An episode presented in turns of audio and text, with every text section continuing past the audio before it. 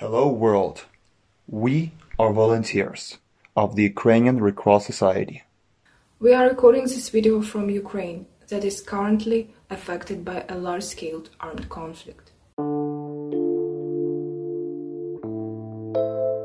I helga fikk vi i Røde Kors tilsendt disse opptakene av frivillige i Ukraina Røde Kors. Flere av dem har i likhet med andre ukrainere måtte oppholde seg i tilfluktsrom mens russiske tropper har angrepet hjemlandet.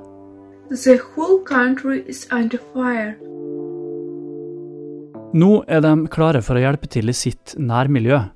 Røde Kors i Ukraina bistår med alt fra førstehjelp til mat og husly for dem som har måttet flykte eller har fått hjemmene sine ødelagt.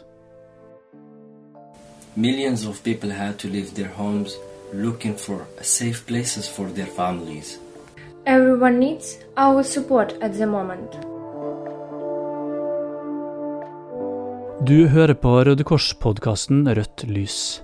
Jeg heter Roar Moltebakk, og i denne episoden så skal vi snakke med min kollega Torben, som mandag denne uka var med på et helt spesielt digitalt møte. Torben Bjørke Henriksen, du er seniorrådgiver i Røde Kors, og du, du har akkurat i dag, mandag, vært i et møte, eh, digitalt møte med Røde Kors i Ukraina. Hva var det som ble fortalt der? Hva sa de?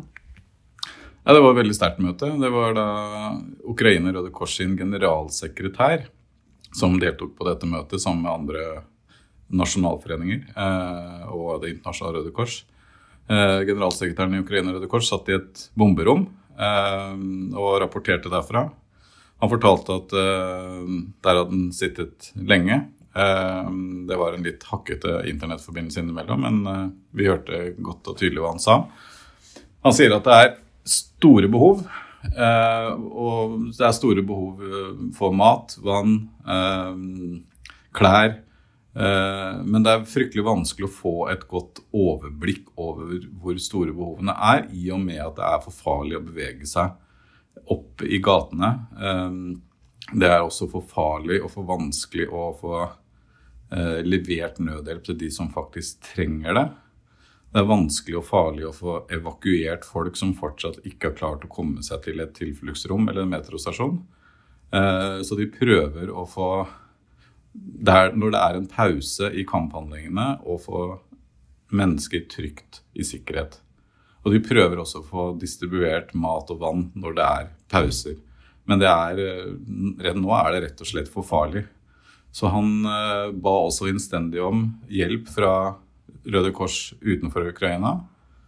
Han eh, ba om at Ukraina og Røde Kors må få definere hvilke behov Ukraina har. Eh, det hoper seg opp med nødhjelp i grenseområdene til Ukraina. Eh, det blir verdsatt. Det som er vanskelig nå, er for det første å få den riktige nødhjelpen til Ukraina. Få transportert det inn til Ukraina, og ikke minst få det til de som faktisk trenger det.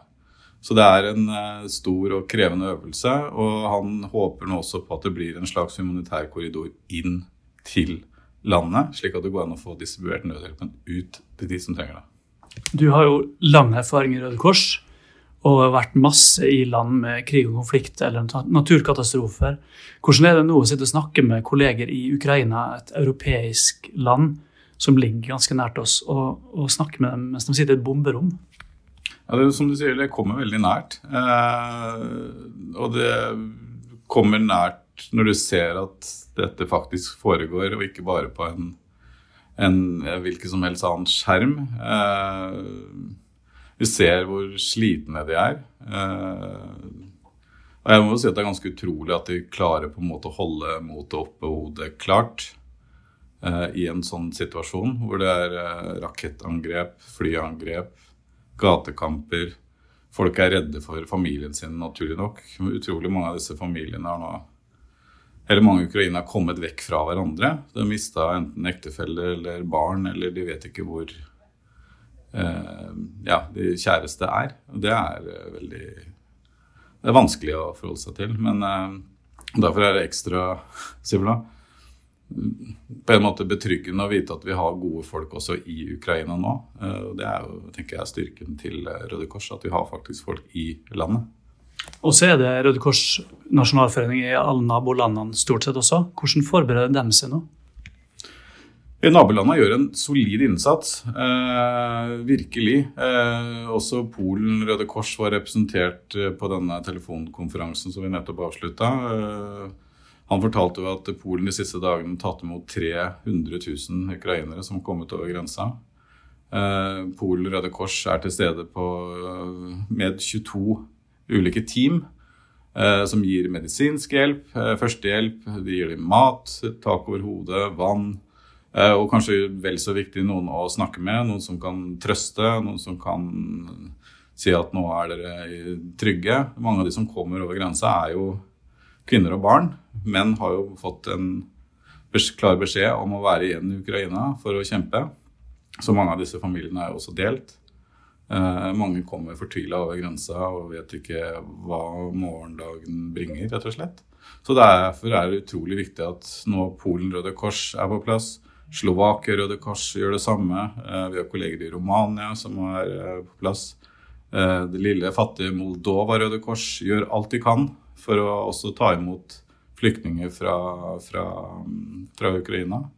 Romania Røde Kors forteller at de um, har tatt imot uh, veldig mange flyktninger, men også at mange uh, av de som kommer, har allerede familie eller kjente i Romania, så de blir innkvartert da hos sine familier i, i, i Romania. Hvis vi litt tilbake til de frivillige som vi hørte på begynnelsen av episoden her.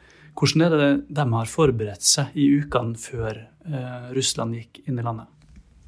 Ja, Det er ikke bare ukene før de har forberedt seg, de har egentlig forberedt seg i lang lang tid. De er eh, godt, mange har gått veldig godt skolert, de har hatt førstehjelpsopplæring.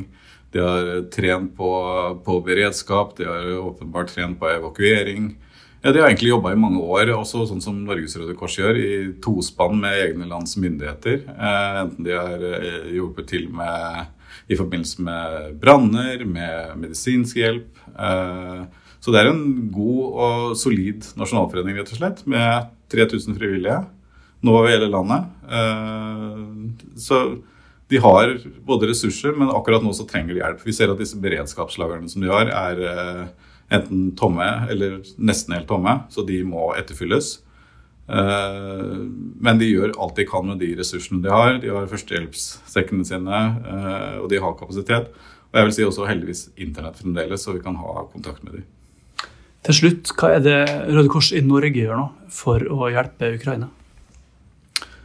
Eh, for det første så samler vi inn penger. Eh, vi samler inn penger, eh, og det er, har vi fått veldig god respons fra hele Norge på.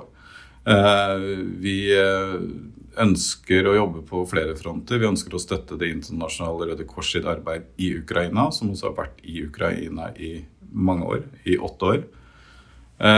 Vi ønsker å støtte helsetjenestene i Ukraina når det er praktisk mulig å gjøre.